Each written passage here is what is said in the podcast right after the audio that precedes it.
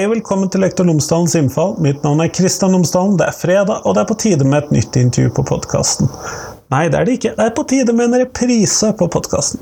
Denne gangen så henter jeg fram intervjuet mitt fra 12.6.2018, hvor jeg snakket med Bjarte Furnes fra Universitetet i Bergen, hvor han jobber med spesialpedagogikk.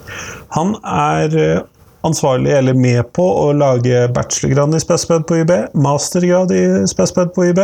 Han er også med i forskergruppen for spesialpedagogikk, og selvfølgelig også med på Senter for spesialpedagogisk forskning og inkludering, SPEDIMS, som, eller SPEDIMS, litt usikker på hvordan det sies, som da har kommet i ettertid.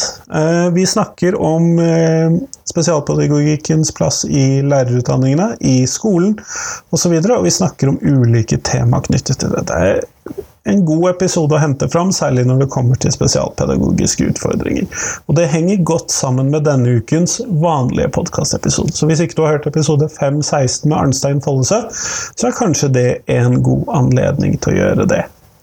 Ellers, podkasten er som vanlig sponset av Fagbokforlaget, og det har Fagbokforlaget fornyet for et helt nytt skoleår, og det gleder meg utrolig mye. Podkasten kan gjøre veldig mye mer med en sponsor og den backingen som jeg får fra Fagbokforlaget. Og Fagbokforlaget sponser podkasten fordi de tenker at jeg tar opp viktige temaer som angår skole og lærerutdanning. Og de tenker også at dere som hører på denne podkasten, er opptatt av mye av det samme som Fagbokflagget, og for så vidt også meg. Hvordan ny forskning kan påvirke og forbedre praksisen i skolen.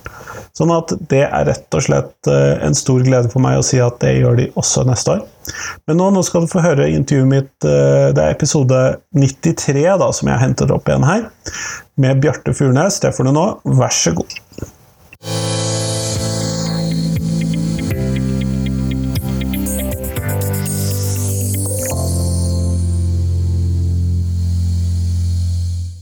Bjarte Furnes, tusen takk for at jeg har fått lov til å besøke deg på kontoret ditt i dag. Bare hyggelig. Eh, før vi starter, kunne du ha fortalt meg tre ting om deg selv, sånn at lytterne mine kan bli kjent med deg. Hvem er du? Ja, hvem er jeg? Jeg er 40 år. Jeg har en samboer. Jeg har tre barn i alderen 7, 12 og 19.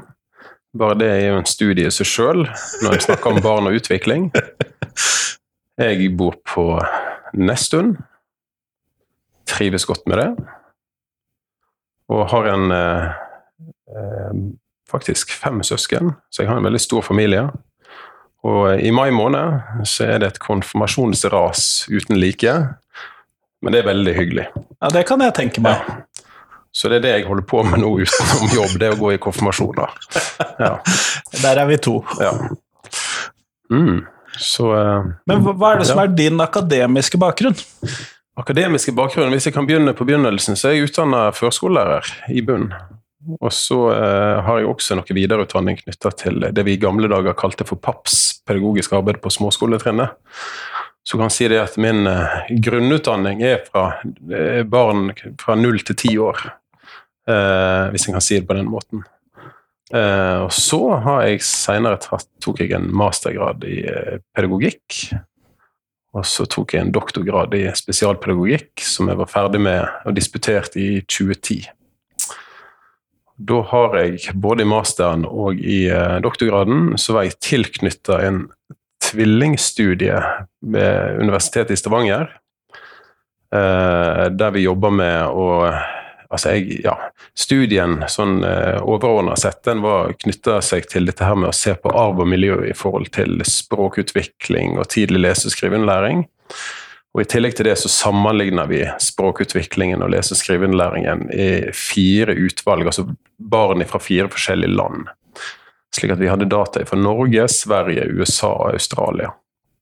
Rimelig sammenlignbare tall, mann. Ja, da, altså der er det måte, det er en studie som på en måte går ut på at vi kartlegger barna individuelt med ulike, ulikt testmateriell, og så er det testmateriellet ble da eh, opprinnelig engelsk, og så ble det oversatt og tilpassa til norsk og svensk. Da, I den så godt det lar seg gjøre. Ja. så brukte jeg det data, og jeg var brukte mye av tiden min på å samle inn data på de norske tvillingene. Så det var egentlig der jeg begynte som forskningsassistent, og så skrev jeg en masteroppgave på en del av det materialet. Og så når jeg først var i loopen, så eh, jeg fant jeg ut at det var greit å prøve seg på et stipendiat òg. Så fikk jeg et stipendiat der nede på lesesenteret i Stavanger. Jeg var knytta sammen med han som var prosjektleder, Stefan Samuelsson, som er professor i spesialpedagogikk ved Linköpings universitet. Og da gjorde jeg en studie der vi så på sammenhengen mellom språkutvikling og tidlig lese- og skriveinnlæring eh, hos barn som på en måte lærer seg å lese i forskjellige ortografier, altså i forskjellige skriftspråk. Så sammenligner vi det jo da barna som Altså utviklingen til barna i eh, USA og Australia med de svenske og norske barna. Rett og slett fordi at engelsk er et veldig irregulært skriftspråk, eh, mens norsk og svensk er har en del irregularitet i seg, men det er mye mer regulære. Hvis du sier på korrespondansen mellom lyd og bokstav er mye mer predikerbar i skandinaviske språk sammenlignet med engelsk. Rett og slett for å se om de utviklingsmønstrene er sammenlignbare, eller om det er forskjeller som på en måte f.eks. For kan forklares med forskjeller i ortografi. Eh, og på den tiden jeg gjorde det der, så var det vel ingen studier som ja, det var i hvert fall ytterst få studier som var longitudinelle, som hadde sett på det her over tid med de samme barna, eh, innenfor akkurat det aspektet der. da. Eh, slik at det var litt sånn nybrottsforskning på, på det området. Eh, veldig spennende og veldig lærerikt. Og eh, eh, uten at jeg skal få gå mye, mye detalj inn på hva vi fant, så ser vi det at dette her med med, med, ortografi det påvirker både leseutviklinga, at det tar lengre tid å lære seg å lese i et irregulært skriftspråk sammenlignet med mer regulære skriftspråk. Eh, men vi fant også det at en del av de her såkalte språklige eller kognitive markørene som en typisk ser hos barn som er i risikosonen for å utvikle lese- og skrivevansker, at de var, hvis en kan si det sånn, er mer Eh, har en større innflytelse i, engelsk, eh, i, det engelske språket enn det har i, i mer regulære skriftspråk. Sånn disse markørene er tydeligere, da? Ja, at de varer over et lengre tidspunkt, hvis en kan si det sånn. Og det handler uh, til en viss grad. Når det gjelder de mekanismene de har for å lære seg å lese, så er de ganske identiske, universelle. Men en ser det at betydningen av en del av de markørene er kanskje mer distinkte, mer tydelige i, engelske, i det engelske skriftspråket. Og Det går jo på at det, her, altså det skriftspråket er vanskeligere for barn å tilegne seg. Sant? Det er, eh, det er for eksempel ikke bare én eh, strategi du kan benytte deg av når du leser. Eh, lærer du deg å på en måte omkode lyd til bokstav, eller bokstav til lyd i, et, i, det norske skriftspråket, så har du på en måte en måte å lese på som fungerer på veldig mange ord. Sånn er ikke det engelsk. Altså Du må ha mer fleksible strategier. Eh, og Det ser en er særlig utfordrende for de som har, da, er i risikosonen av ulike grunner for å utvikle lese- og skrivevansker. Så det var det jeg gjorde i den uh, avhandlingen. og, og eh, har fulgt det opp litt seinere, men også gjort masse andre forskjellige ting. Senere har du også jobbet på PPU, bl.a. som min lærer? Ja, det stemmer nok. Jeg, jeg, første gang jeg hørte navnet ditt nå det siste året, så tenkte jeg at det navnet har jeg hørt før, ja. Han var sikkert en av de som eh, var aktiv på det studiet, og som en hørte litt av til, fra av og til. Det er jo noen, noen, studenter som har en sterkere stemme enn andre. Eh, så det stemmer. Jeg jobber på eh, PPU her ved Universitetet i Bergen fra 2010 til 2017. Eh, og da eh, var jeg i all hovedsak i de sju årene knytta til altså PPU-studiet. Vi har også lektor, et lektorprogram. Femårig studie for de som vil begynne på scratch. Og PPU er jo da ettårig studie for de som har en fagkombinasjon som gjør at de er kvalifisert til å begynne på det studiet. Så da jobber jeg innenfor eh, pedagogikk der, og så eh, hadde jeg i fire av de sju årene så var jeg programansvarlig for eh, lærerutdanninga, altså pedagogikkdelen av lærerutdanninga ved UiB. Så jeg har hatt ganske masse Ja, vært involvert i veldig masse prosesser når det gjelder PPU, og særlig også i det arbeidet med nye rammeplaner som kom i 2013 og 2015 og implementeringen av de og sånne ting. Da. Og også prosesser knytta til at organiseringen av PPU i, på UiB den er desentralisert, hvis en kan kalle det det. eh, I den for, forstand at pedagogene sitter på psykologisk fakultet, og fagdidaktikerne de sitter ute i sine respektive miljøer, altså de disiplinfaglige miljøene, da, med sine fordeler og ulemper når det gjelder den organiseringen, uten at jeg skal gå mer inn i detalj på det. Ja, nei, Det er tema for en helt annen samtale. Det er en helt annen samtale, ja. Mm. Men når vi da, hvis vi da skal starte med den lærerutdanningen, så det jeg er litt nysgjerrig på, er hvilken eh, innsikt får lærerstudentene i spesialpedagogiske temaer? Fordi at jeg føler at dette med å ha kjennskap til hvilke behov forskjellige typer elevgrupper mm. har, f.eks. med lese- og skriveopplæringen i, mm, mm. Eh, blant de minste elevene, eller mm. Eh, femteklassingene, som jeg ble opplært til å kunne håndtere. Mm, mm. Eh, at der er jeg kanskje litt blank. Ja, det tror jeg du ikke er aleine om. Fordi at uh, uh, når jeg kom inn der, så var det noe med å på en måte finne ut av hva er det her for et studie, og hvor er min plass i det her studiet her. Og det jeg ser, og det som fortsatt er et problem, og det gjelder jo ikke bare UiB, men det gjelder jo egentlig jeg, vil tørre å påstå at det gjelder veldig mange eh, lærerutdanninger i Norge. det at Innslaget av spesialpedagogikk tror jeg er veldig veldig marginalt. Eh, jeg skal være veldig, jeg skal ikke, skal være veldig forsiktig med å generalisere, men jeg er ganske sikker på at det er ganske marginalt.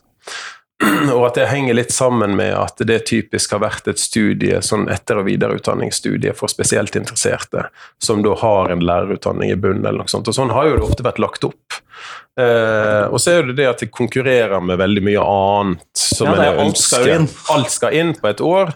Eh, jeg kan ikke snakke for hva som er gjort i de fagdidaktiske den fagdidaktiske undervisningen. Eh, fordi at pedagogikkundervisningen den på en måte går for seg sjøl. Mm. Eh, og det er de fordeler og ulemper. Ja, det er fordeler og ulemper der.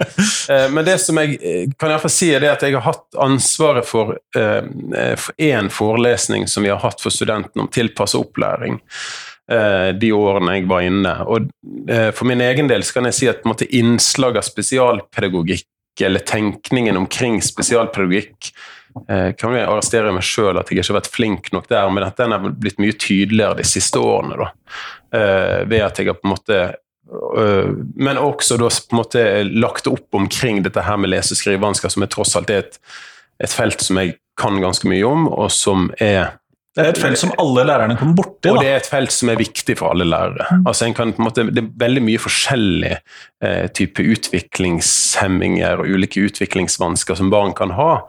Eh, men, men, det med lese- og skrivevansker har på en måte et stort nedslagsfelt, fordi at det gjelder Altså Hvis vi snakker om eh, dysleksi og den formen for lesevansker, så gjelder det kanskje 4-6% av eh, elevmassen. Men, du vil alltid ha noen? Ja, du vil alltid ha noen, men hvis du snakker om lesevansker som er av en slik art at en har, kan ha problemer med å fungere i, måte, i jobb og dagligliv, så er jo det faktisk opp mot 20 Uh, og Det viser jo sånne store undersøkelser, Pearls bl.a., som er gjort uh, gjentatte ganger over tid, at, at i aldersgruppen 16 til 67, tror jeg, så er det uh, oppimot 20% av de i, som deltar i de undersøkelsene, som har såpass store problemer at de har utfordringer knytta til å forholde seg til altså Det kan være seg oppgaver, eh, forholde seg til informasjon da, som er på en måte viktig for å fungere i samfunnet.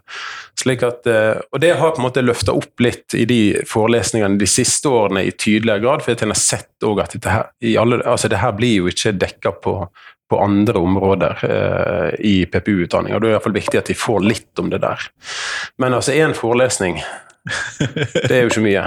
Og Nei. litt litteratur. Men det er noe med og litt kjennskap til hva er det vi snakker om når vi snakker om tilpasset opplæring. Hva er det vi snakker om når vi snakker om spesialundervisning? Hvor er dette her regulert i lovverket?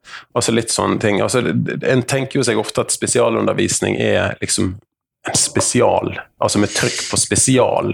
Altså det er noe annet enn det alle andre barn får, eller ungdommer får. Men det trenger jo det absolutt ikke være. Det kan være at undervisningen er mer eksplisitt, det kan være at undervisningen er mer eh, At en går eh, for å si sånn, eh, saktere fram, at en har litt andre kompetansemål og sånne ting enn det som den ordinære undervisningen eh, tar for seg. Men, men det er jo ikke, nok, eh, er jo ikke nok, nødvendigvis noen mirakelkur eller noe helt, en helt annen måte å tenke på. Det trenger det absolutt ikke å være. For det, det som er viktig å huske på, er at elever som som, eh, som får vedtak om spesialundervisning. Det kan jo være alt ifra eleven som har behov for to timer ekstra støtte eh, knytta til lese- og skriveopplæringen i uken til en elev som er multifunksjonshemma. Og det spennet der, det er jo enormt stort. Det er to forskjellige virkeligheter. Ja, det er to forskjellige virkeligheter, men alt er, alt er på en måte innenfor det spesialpedagogiske feltet. sant? Eh, og så er det selvfølgelig dette her med den store diskusjonen som går på dette her med inkludering. sant? Uh, I hva grad er det skal vi ha et sant? En har på en måte en uttalt visjon eller uh, ønske om at vi skal ha et inkluderende fellesskap i den norske skolen. Alle skal være i de samme klassene? Ja, sånn i, sånn i utgangspunktet. sant? Mm. Og Problemet med en sånn måte å tenke på som på en måte er ideologisk forankra, er jo ofte det at det går det kan gå for langt i den ene retningen eller for langt i den andre retningen. Der spesialpedagogikken som fagfelt kanskje har blitt har blitt kritisert med rette historisk sett for å være veldig opptatt av individbaserte vansker, utredninger, ta ut barnet i en undervisning, så har en på en måte fått en motvekt med det inkluderingstenkningen, med at en istedenfor bare å være opptatt av vanskene til, til, en elev, så må en også se på styrkene til eleven. En må også se at at det her med skole og utdanning handler ikke bare om faglig læring. Det handler om personlig utvikling, og det handler om å, å, å måte fungere i et sosialt fellesskap. Du lærer deg aldri å fungere i et sosialt fellesskap hvis du ikke er en del av et sosialt fellesskap. Nei, du trenger den treningen. Ja, og En del av den personlige utviklingen henger jo selvfølgelig tett sammen med at du er del av et eh, sosialt fellesskap. Sant? Og vi har jo de her eh, historiene. Selvfølgelig, det er jo enkelthistorier med elever som måtte ble gysla gode på, å uh, steike vafler i enkelte timer. Eller de hadde, når de hadde engelskundervisning, så gjorde de alt mulig annet enn engelsk. altså, det er jo på en måte anekdoter, altså enkelthistorier. Jeg skal ikke si at det alltid er sånn, men det forteller jo litt om, om uh, utfordringen knytta til at en at en på en måte forstår spesialundervisning som noe ensbetyder med å gjøre en eller annen alternativ aktivitet, eller at en skal være segregert fra, fra eh, fellesskapet som en tross alt skal være en del av. Slik at Der er det mange prosesser i dag som og, og På mange skoler så fungerer dette der godt. altså Det er mange skoler som gjør et fantastisk bra arbeid i forhold til å få til inkluderende prosesser, men så er det også skoler som jeg tror eh, ikke får dette til å fungere eh, på en hensiktsmessig måte. Det kan være mange forskjellige grunner til det. Eh, og en viktig grunn til det er jo rett og slett å ha god nok kompetanse eh, til den mangfoldige elevgruppen en har, slik at en har en kompetanse i kollegiet eh, i samarbeid med foreldrene som gjør at en er i stand til å møte de elevene som Altså den variasjonen som finnes i elevgruppen, på en best mulig måte. Da.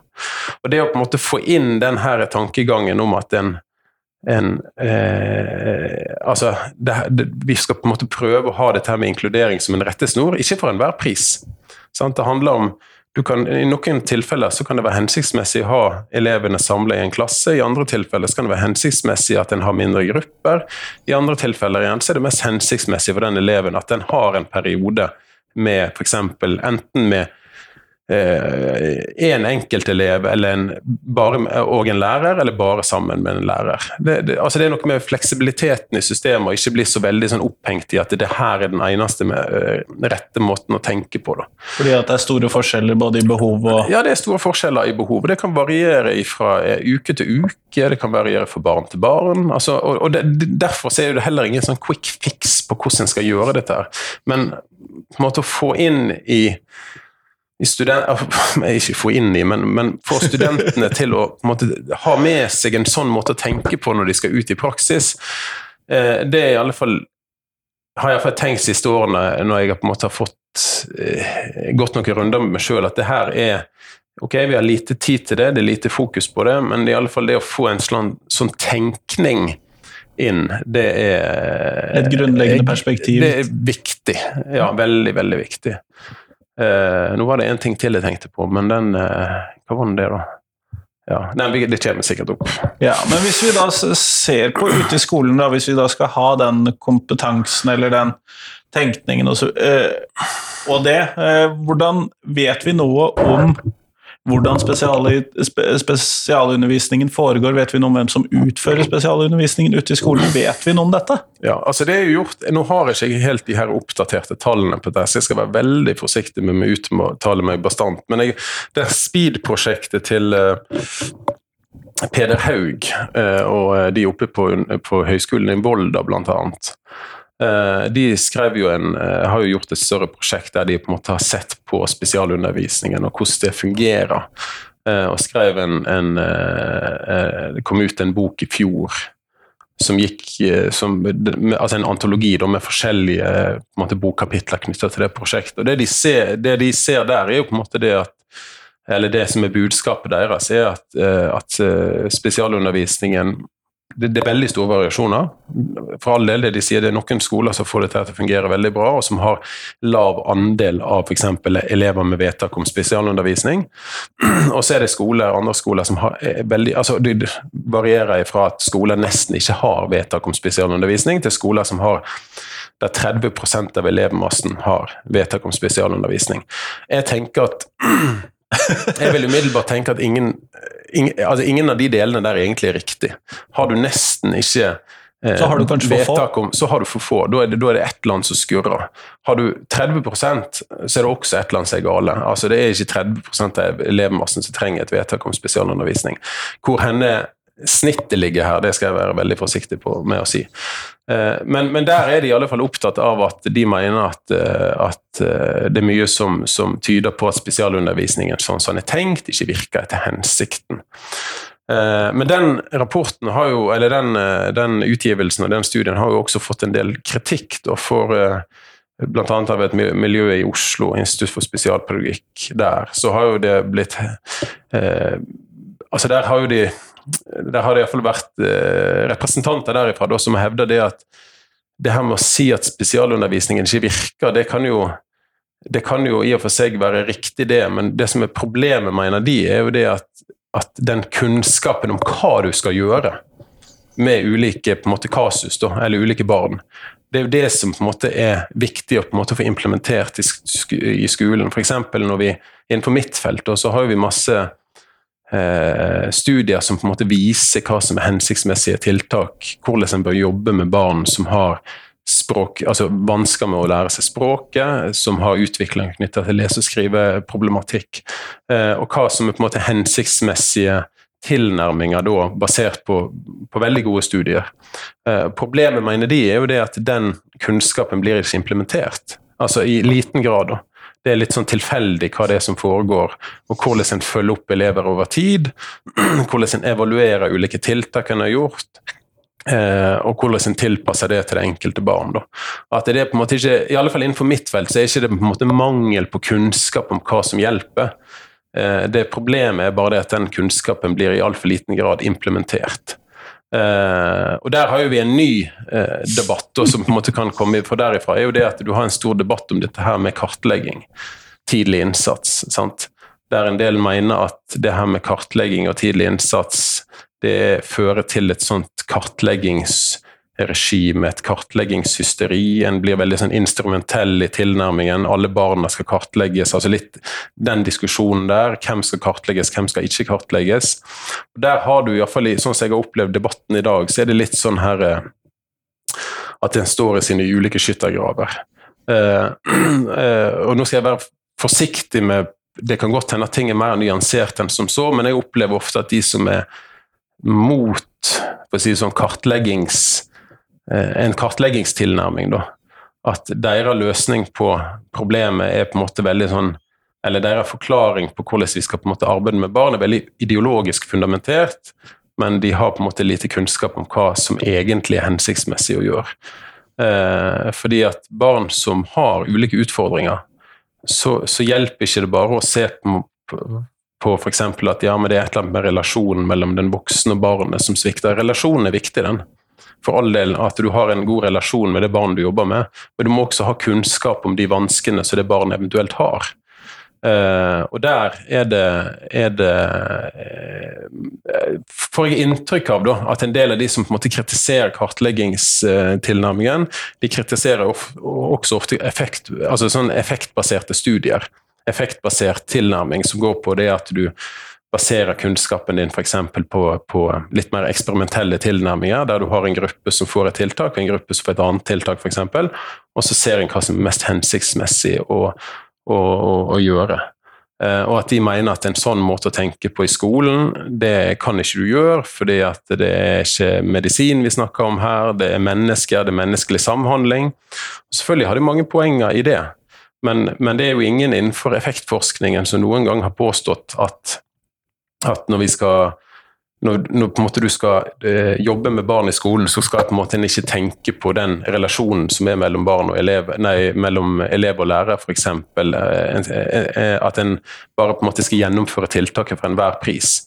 Eh, fordi om en baserer seg på en, bar, en del, en del Eh, oppdatert forskning i forhold til hvordan en skal jobbe, f.eks., så, så, eh, så betyr ikke det det at en ikke tar hensyn til å tilpasse seg barnet i den aktuelle situasjonen. Det handler mer om at en benytter seg av den kunnskapen som faktisk forskningen har på en måte fått fram at det her, det er faktisk det, som, det er større sannsynlighet for at hvis du gjør det her, så vil det virke positivt for barnet, enn hvis du gjør det her. Og det er i alle fall større sannsynlighet enn at hvis du bare baserer deg på litt sånn her eh, Eh, tilfeldige tilnærminger, at vi skal være for, for å være litt flåsete, vi skal iallfall være gode med deg. Eh, altså, det, jo, det, er jo en grunnleggende tilnærming uansett, at en skal ta vare på barna og en vil det beste. Men ja, det, det må vi forutsette at ligger til grunn. Ja da, men det som er viktig fra den kritikken der, det er jo det selvfølgelig det at en ofte har innenfor en litt sånn spesialpedagogisk tilnærming hatt for mye fokus på vanskene til barnet i dag så er det også mye mer fokus på hva er det barnet faktisk mestrer, og ta utgangspunkt i det. En annen ting er jo det at, som har kommet fram, er jo dette der med at veldig mange lærer, altså Gjennom kartlegging så kan du få kunnskap om barnet, men du kan også få kunnskap om deg sjøl. Altså, hvordan fungerer min undervisning? Hvor, altså, hvordan fungerer jeg i eh, Hvordan fungerer min, mine kollegers undervisning? Hvordan fungerer barnegruppen som helhet i deg? Er det et eller annet med meg? Er det et eller annet jeg må endre for at ting skal bli bedre. Det gjelder jo all undervisning. sant? Eh, og da trenger du kunnskap om hvordan, hva er ståa. Eh, for å rett og slett kunne ta et, eh, et kvalifisert valg videre. Da. Hvis ikke du veit noe som helst, så er det veldig vanskelig å ta et kvalifisert valg. Og du bør jo ha noenlunde sikker kunnskap. Og da mener jeg det at uh, ulike former for kartlegging Det er ikke snakk om å kartlegge i uh, fem dager i uka. Uh, 40 eh, uker i år, eller hva det er for noe. Det er ikke det, men det handler om å få en oversikt over hvordan det går. Hvordan er utviklingen innenfor sentrale områder? Eh, og basert på den kunnskapen du får da, hvordan kan vi jobbe videre? Hvordan kan vi justere det vi eventuelt har begynt på? da? Eh, og der er det en der er det en stor debatt, slik som jeg opplever det i, i, i, på en måte, i, i den norske konteksten. da eh, knytta til hva, hva, skal skolen være. Og nå er jo det på en måte De siste årene så er jo det innført et mye større eh, kartleggingsregime i den norske skolen enn noen gang tidligere, knytta til nasjonale prøver, knytta til eh, obligatoriske kartlegginger, lesing, skriving og regning f.eks. de første årene i skolen. Eh, og det handler jo rett og slett om at, om at Eh, altså, eh, det her med at Spesielt i de første årene i skolen så er det viktig å eh, viktig å sette i gang tiltak tidlig. Fordi at En vet jo, basert på barns utvikling, at kommer du i gang tidlig, så er du i forkant av at problemene manifesterer seg. Du er, du er, på en måte i en setting der sannsynligheten for at det er et godt at du på en måte er en form for i fall, balanse mellom deg og barnet, eller barn og hjemmemiljø, eller hva det skal altså Det fortsatt er en, i en noenlunde sånn positiv forfatning. da. Eh, hvis du venter lenge og barnet får nederlagsfølelse på nederlagsfølelse på nederlagsfølelse, så blir jo dette mye vanskeligere. Ja, det er mye mer å reparere. Ja. Barns motivasjon for skolen de første årene er jo helt fantastisk. Eh, den synker ganske markant fram mot femte-sjette klasse og videre. Eh, fordi at de får mer innsikt i egne evner, egne ferdigheter. De sammenligner seg med andre. De ser det at uansett hva jeg gjør, så hjelper ikke det. Altså sånne ting dette der. Eh, og da har du muligheten for å på en måte gå inn tidlig eh, og, og, eh, og dette her såkalte vente-og-se-begrepet som en hadde, som var veldig sånn Kanskje ikke uttalt, men mer vanlig tidligere. Det er jo det en prøver å på en måte komme til livs. da. Ja, for det hadde jeg jo tenkt å ta opp litt. for Mitt inntrykk som eh, videregående lærer er jo det at eh, man ofte så kommer spesial, spesialundervisning Ja. og tilpasset undervisning ofte ganske sent i grunnskoleløpet. Ja, ja. Og der har jo du en sånn her eh, fin tabell ifra der en sammenligner Det er liksom alltid lukt og Finland. De har sikkert sine utfordringer, de òg, der borte. Men der, det interessante der er at de har en litt mer fleksibel tilnærming til dette her med spesialundervisning. Eh, slik at det er ikke nødvendigvis behov for at du skal ha på en måte et juridisk vedtak alltid. En kan sette i gang tiltak mye tidligere og i mye større omfang enn kanskje det som er det åpning for innenfor det norske systemet. Da. Men der ser en det at, eh, at ressurser brukt på spesialundervisning er høyt i begynnelsen, og så synker det gjennom skoleløpet, grunnskoleløpet. I, I Norge så er grafen motsatt. Det er relativt lavt i begynnelsen, og så stiger det. Eh, og så det, når det er en topp i løpet av ungdomsskolen.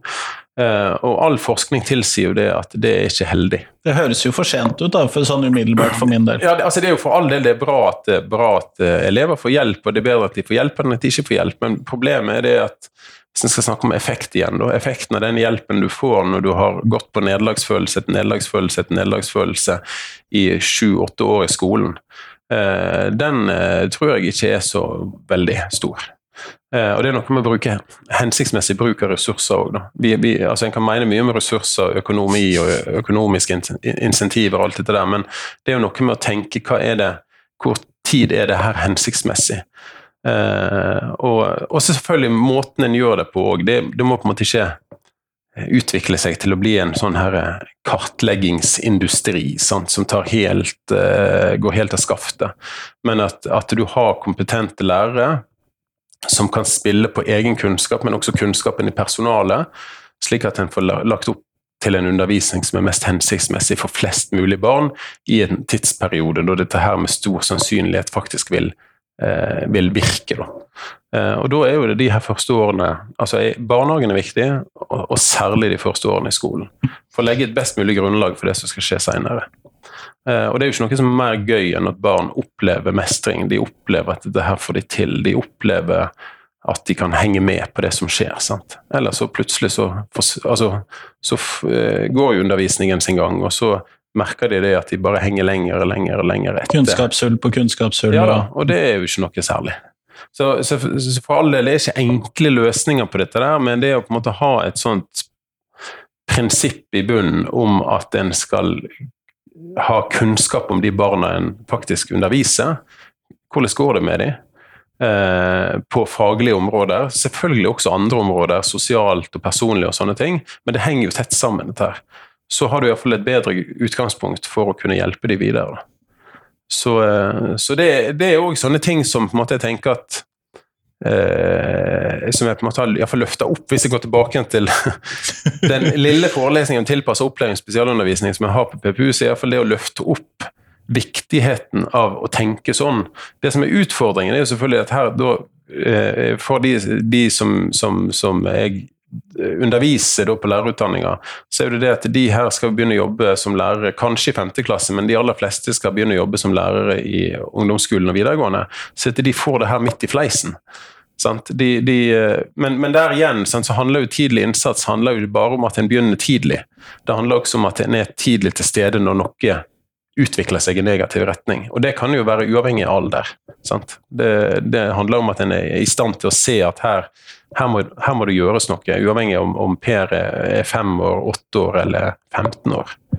Eh, og at en da iallfall tidlig setter i gang eh, nødvendige tiltak for å hjelpe Per i riktig retning.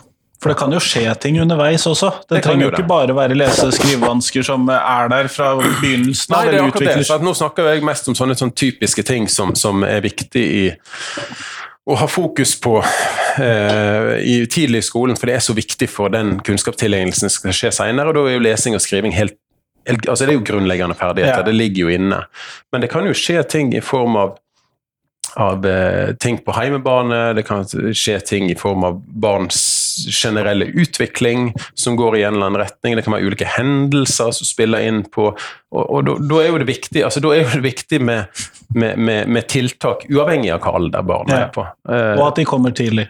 Ja, at- at det kommer tidlig. For der er jo tidlig innsats Da er ikke det bare tenkt som at det er tidlig i barnets liv, men det er tidlig i på en måte den såkalte fasen av uheldig utvikling på et eller annet område, hva nå det enn skulle være. Så eh, så eh, Nei da, så det, det, det er Tilbake til det her med, med spesialundervisning og spesialpedagogisk tenkning, så er jo dette her med å eh, det som er problemet sånn historisk sett, er jo at det har oppstått på en måte du har, du har allmennpedagogikken, og så har du spesialpedagogikken. sant? Allmennpedagogikken har sine fokusområder og sin tilnærming. Spesialpedagogikken har sin historikk, sitt fokus, sin tilnærming. Eh, og det som en eh, Jeg vet at Rune Haustetter eh, på, på høyskolen borte på Lillehammer han har jo, jeg mener, han har en bok som er ganske bra på det der, en sånn antologi. Og Der er jo det liksom dette her med å på en måte få en tenkning der allmennpedagogikken og spesialpedagogikken er på en måte sammensmelta i hverandre. At det skal, det skal ikke være atskilte verdener. Og det er jo helt naturlig, men, men det, måte, det er ofte sånn det har vært. Eh, og at en liksom som allmennlærer, eller som klasseforstander, eller kontaktlærer, er det vel å kalle det i dag, eh, har tenkt at ja, men det her er jo deres bord. Det her kan jo ikke jeg gjøre noe med. Sant? Men i dag så er jo det et mye mer krav gjennom, gjennom det her med tilpassa opplæring og spesialundervisning at en som eh, kontaktlærer eller lærer i skolen, så skal du ha kunnskap om eh, Ikke nødvendigvis være ekspert på ulike, på, på ulike utviklingsvansker, det er ikke det det handler om, men, men det handler om å ha en innsikt i eh, hva er dette her for noe, og hva er det, måte, hva er det som er en en viktig tenkning bak det. Eh, og selvfølgelig da dra veksler på den kompetansen som finnes i personalet. Eh, og det er jo dette med eh, sant, Det er jo litt tilfeldig om en skole har en spesialpedagog som er knytta til de og som jobber på skolen, eller om på en måte den eneste linken de har til spesialpedagogisk kunnskap, er PPT. Men sant, En burde jo ha, ha, hatt som et krav at en, en viss andel av en utdanning det er på en måte sentrert rundt det spesialpedagogiske feltet. Alternativt er jo det at en, en på en måte har i den pedagogiske grunnutdanninga, så er på en måte spesial altså kunnskap om spesialpedagogikk er bare implementert. Det er bare en del av det som det blir undervist om. Sant? Det er veldig fort gjort at, en, at undervisningen tar utgangspunkt i mer sånn overordna, generelle, ideologiske tenkning som er, gjelder for alle barn, men det har på en måte ikke noe det, er ikke noe, det, det, det handler Det er liksom knytta til gjennomsnittseleven, altså hvis en kan tenke det sånn. Eh, og det er fint, det. En, uh, men det hjelper jo ikke de elevene som, som, uh, som med stor sannsynlighet vil tre, trenge ekstra oppfølging og ekstra hjelp. Så, eh, så ut, eh, jeg er ganske sikker på at, eh, at eh, Det jeg tror, er jo at dette her vil komme som et mer eksplisitt krav framover. Eh, og utfordringen er jo som på et studie som PPU, er jo det at det er et ettårig studie, det er veldig mye som skal inn. Eh, og så blir det en litt sånn her, eh, fort gjort en litt sånn profesjonskamp og innad i f.eks. et pedagogisk miljø. Hva er det som skal vektlegges for studentene? Alle har jo sine hjertebarn. Ja da, sant? Og, og hva er det som ikke skal vektlegges? Sant? Eh, og, og der er jo pedagogikken og den norske tradisjonen er jo på en måte for Dette her med kartlegging og det her med diagnostisering og det her med litt sånn her eh, Den typen å tenke på er jo på en måte litt sånn I enkelte pedagogiske miljøer så er det på en måte litt sånn her eh, fy-fy-tilnærming. sant? Eh, men men eh, jeg, jeg klarer liksom ikke helt å se jeg, jeg ser selvfølgelig en del fallgruver her, men jeg på en måte ser Nå kjenner jo jeg mest til den her eh, kartleggingsdiagnostiske tradisjonen. Men jeg klarer på en måte ikke å se det store problemet hvis en, en eh, Det handler på en måte om å balansere tilnærmingen. Det, ikke, det handler om å ha eh, riktig kunnskap og riktig tid for det, for det barnet, eh, og hvordan vi kan hjelpe det på en god måte, heller enn å tenke på at undervisningen bare skal på en måte være det eneste saliggjørende er å være, ha en inkluderende praksis, f.eks. For eksempel. Fordi at det, for en god del barn, det å være en del av et klassemiljø er jo selvfølgelig viktig. Men for andre barn så er det det at eh, i enkelte tilfeller så kan det være hensiktsmessig, og det er bra for det barnet. Men i mange timer i løpet av den uken så kan det godt hende at det som er mest hensiktsmessig for det barnet, det er å ha en færre personer å forholde seg til, mindre grupper, eneundervisning. Men igjen, som jeg sa, dette med fleksibilitet. At en, en kan ha flere tanker i hodet samtidig. Eh, og en må tenke på hva som er det beste for det barnet, ikke hva som er en eller annen sånn ideologisk kongstanke langt der framme som egentlig ikke har rot i virkeligheten.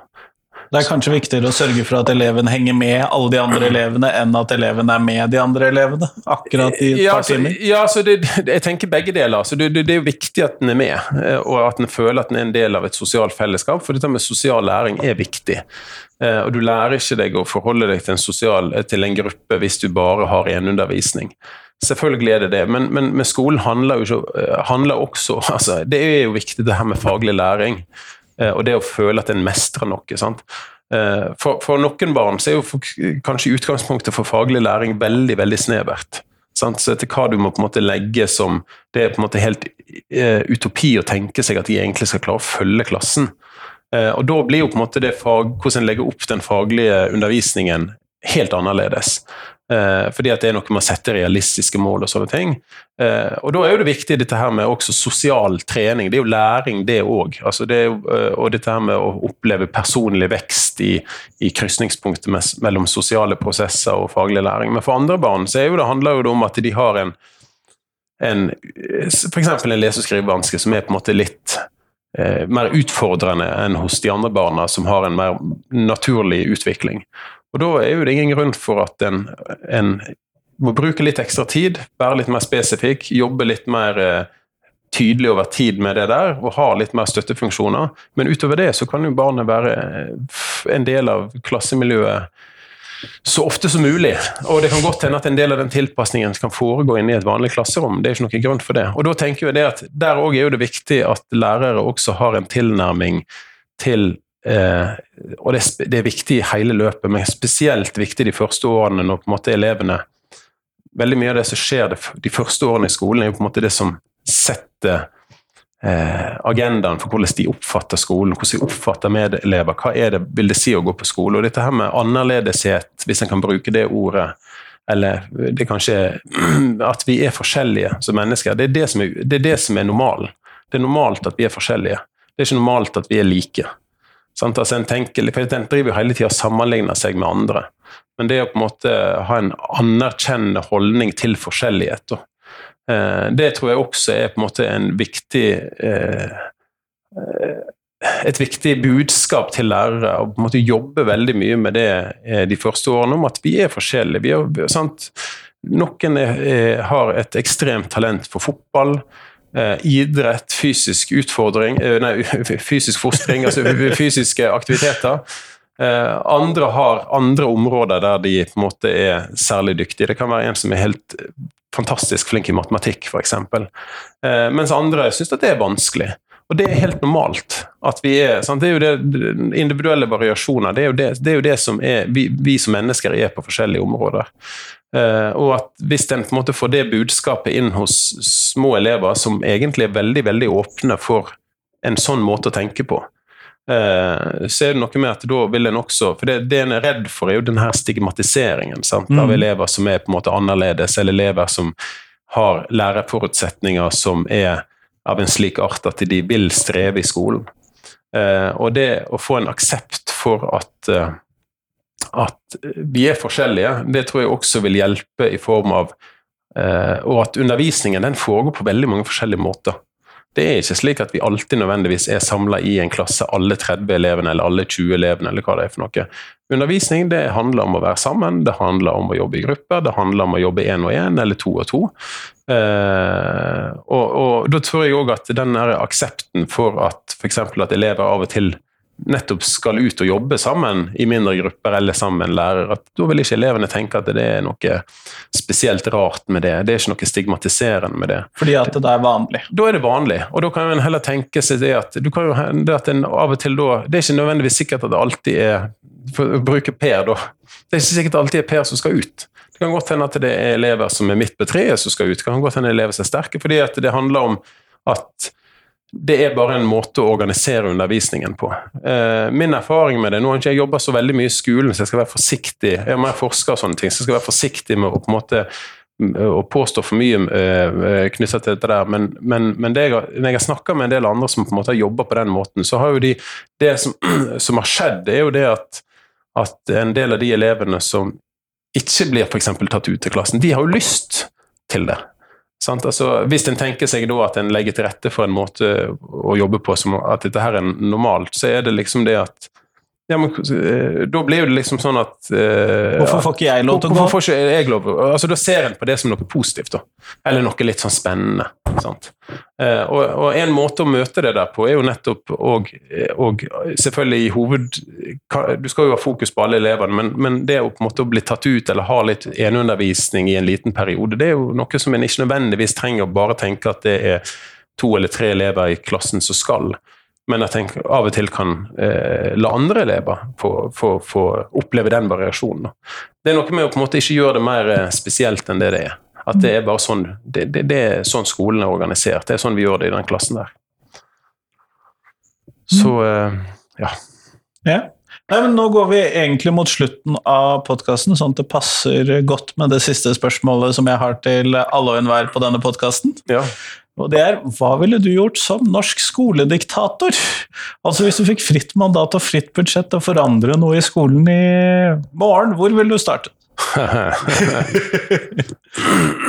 ja, nå skal jeg være veldig forsiktig med å uttale meg om det, men, eh, men eh, jeg kunne jo tenkt meg at i dag så har du Nasjonalt råd for lærerutdanning, altså NRLU. Og det har jeg, jeg har vel vært med der én gang. Uh, og det er jo et sånt overordna råd som, som, består av lærere, det består av, uh, av uh, sentrale personer som er knytta til institusjoner rundt omkring, altså type dekaner, ledere for lærerutdanning og sånne ting. Men det er et råd til Kunnskapsdepartementet og Utdanningsdirektoratet. og det vil si at i sånn som situasjonen er i Norge i dag, så har politikerne veldig, veldig stor makt over den norske skolen. Eh, med sine På ene siden Du kan si det er fordeler og ulemper knytta til det. fordi at hvis politikerne får stor makt, så sitter pengene kanskje løst. I den form av at hvis de bestemmer seg for noe, så er det alltid Da kan de fylle på med litt penger ja, også? Ja, da kan de fylle på. Sant? For dette her er noe som de står for, og da er de nødt til å på en måte fylle det altså de, de, må på en måte uh, fylle opp lovnadene sine, for å si det sånn. da. Uh, det som er utfordringen med det, er jo nettopp det at når du har et altså i, når du har et råd, så trenger ikke du forholde deg til det rådet på, på, det er ikke et styre. sant? NRLU det er et råd som på en måte er fagpersonene knytta til skole. Eh, slik at Da kan jo departementet velge å høre på det, eller de kan velge å ikke høre på det. Ja, Så dere sier det er interessant. Putte ja. det ned i skuffen. Ja, for eksempel, sant? Eh, hadde det vært et styre derimot, eh, så måtte jo en forholdt seg til det som det styret sa. Det som jeg er litt redd for, er jo på en måte at når det blir sånn stor politikerdominans, så, så, er det noe med at i hva grad er de faktisk i takt med det som foregår ute i skolen. Eh, og i hva grad er det her egentlig bare et resultat av litt mer sånne politiske egeninteresser? At det her, det her er målet vårt, og da går vi for sånn uavhengig av hva de sier. Nå skal det sies at, at, at det er en ganske sånn tverrpolitisk enighet om det som har skjedd innenfor skolen de siste 10-15 årene, sånn som jeg har hatt inntrykk av det. Mye av det arbeidet som foregår i skolen, har vært på mange måter ganske likt, uavhengig av om det har vært en Høyre-regjering eller en Arbeiderparti-regjering eller sånne ting. Uh, eller sentrum, eller hvor vi skal plassere de her partiene etter hvert. Det, er ikke så enkelt lenger. Uh, men jeg, jeg kunne iallfall tenkt meg det at en hadde hatt et, et uh, Eh, et større innslag av fagpersoner som faktisk hadde eh, Som på en måte representerte lærerutdanninga, som representerte skolene. Nå er jo de med i ulike utvalg og råd og sånne ting underveis, men, men, men eh, et, et, større innslag av de tror jeg hadde vært en fordel, for det, handler noe om eh, Jeg tror ikke nødvendigvis at at politikerne har på en måte den samme fintfølelsen av hva som foregår ute i skolen, som en person som er tett knytta på en lærerutdanning, eller som jobber ute i skolen, faktisk har. Eh, nå tror jeg, Når det er sagt, så tror jeg egentlig at det er mye positivt som foregår i den norske skolen.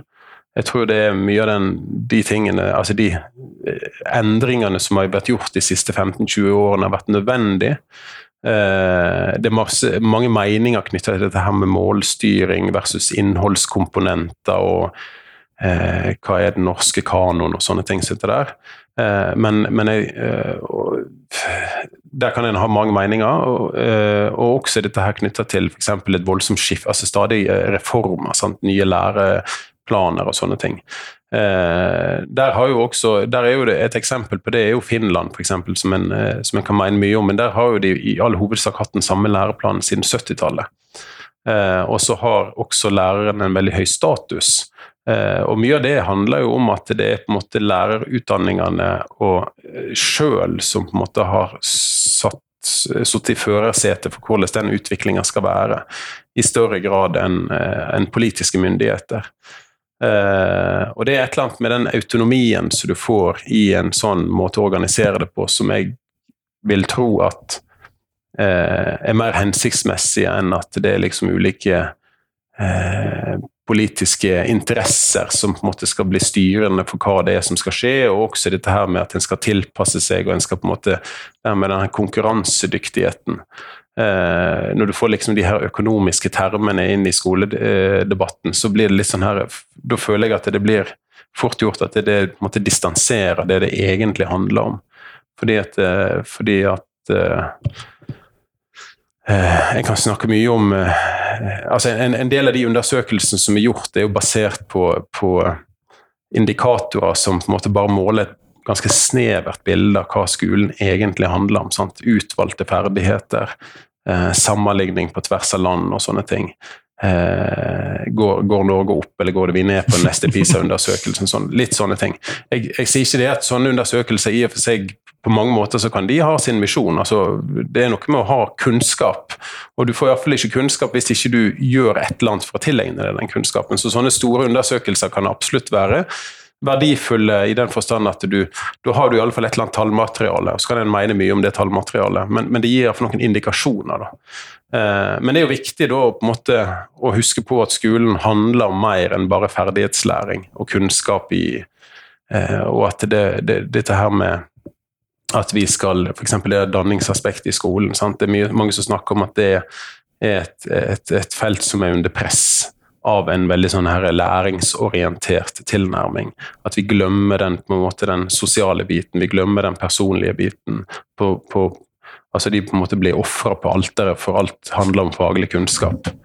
Eh, det, det, er jo sånne ting som, som er, er, på en måte viktig at en har eh, eh, personer som på en måte, eller miljøer som står opp mot, mot sånn, en sånn utvikling. Det, det, er jeg helt med på. Men samtidig så tenker jeg at den siste revideringen av læreplanen som nå er i gang, Eh, av Kunnskapsløftet, så er jo eh, Det var jo Ludvigsen-utvalget og, og den, eh, de rapportene der, og det kan mye, mye om det innholdet der. Men der er jo f.eks. en del eh, ting som går på dette med praktiske, estetiske fag og kritisk tenkning og den biten der.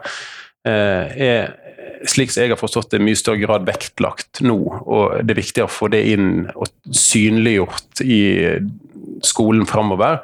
Eh, enn det her litt mer sånn ensidige fokuset på grunnleggende ferdigheter som er bare knytta til fag. Eh, og at det, det, å utvikle seg som et helt menneske handler om mer enn faglig kunnskap. Da.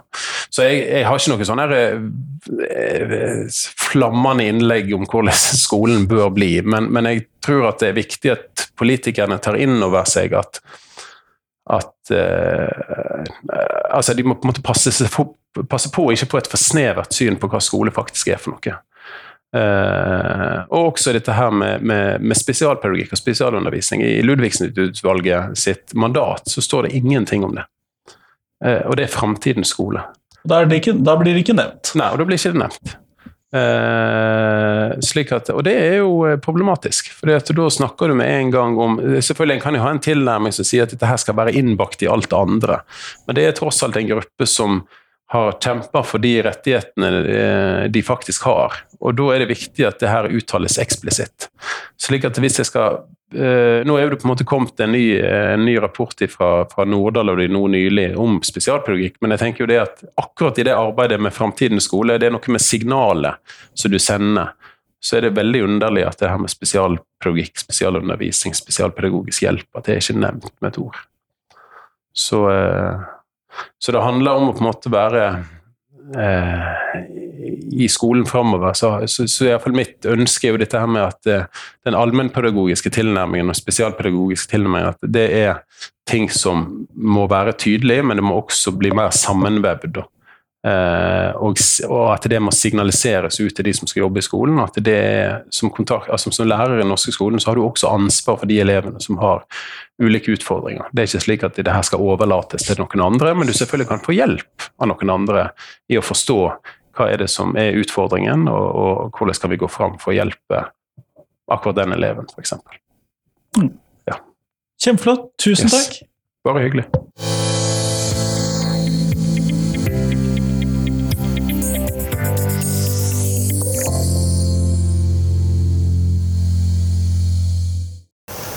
Tusen takk til Bjarte, og tusen takk til deg som har hørt på. Nå er det fram til tirsdag, så kommer det et nytt intervju på podkasten. Og som vanlig, jeg gleder meg utrolig mye til det. Nå har jeg laget denne podkasten i snart sju år, og det er fremdeles gøy. Jeg vet faktisk ikke om noe som jeg har gjort i syv år, annet enn selvfølgelig å være sammen med min kone og bruke Dr. Martens. Det har jeg gjort lenger enn denne podkasten, og jeg har også vært far. Så ok, jeg kommer på noen ting jeg har gjort lenger. Eh, Men i hvert fall eh, Jeg gleder meg utrolig mye over podkasten. Jeg håper du gleder deg utrolig mye over podkasten. Og kunne du være så snill å dele podkasten min med noen som du tror vil sette pris på den? Det gjør meg utrolig glad. Og send meg tips. Send meg tips på hva du vil høre om, så blir jeg også glad. Så får du ha en fin sommerferie. Hei, hei.